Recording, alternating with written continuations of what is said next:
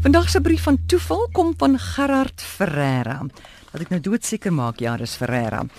Hy sê, jy weet soos met die meeste ander mans, glo ek, is dit nie baie lekker om saam met my vrou klere inkopies te doen nie. Ons kry dan gewoonlik die naaste sitplek en ek wag geduldig. Ek moet net noem ek is blind.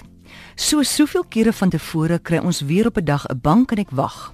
Na 'n rukkie kom sit hier iemand naby my en ek hoor hoe hy sy koerant oopvou. Volgende oomblik hoor ek hy praat Afrikaans met iemand.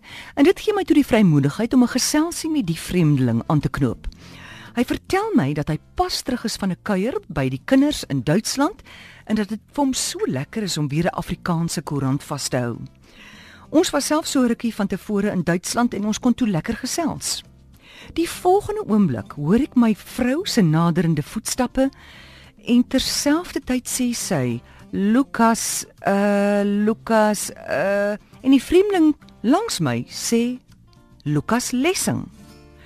Ek vra toe of hy Lukas le. Hy sê wragtig ja, hy is Lukas Lessing. En toe wil hy weet waar ons mekaar van ken.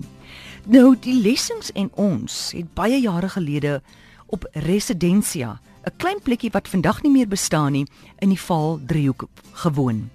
Ons was bure Meeste van ons het toe, jy weet, in die omliggende gebiede toe gaan bly en die lessings het die deur toe getrek en my ouers het Meyerton toe gegaan.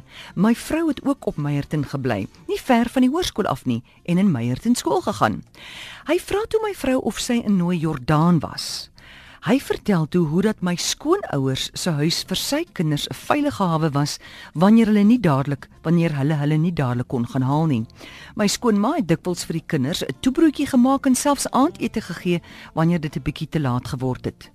My vrou het Lusa, Lukas Lessing weer dadelik herken na 40 jaar en hier sit ons mekaar weer raak op 'n bank in 'n inkopiesentrum in Johannesburg.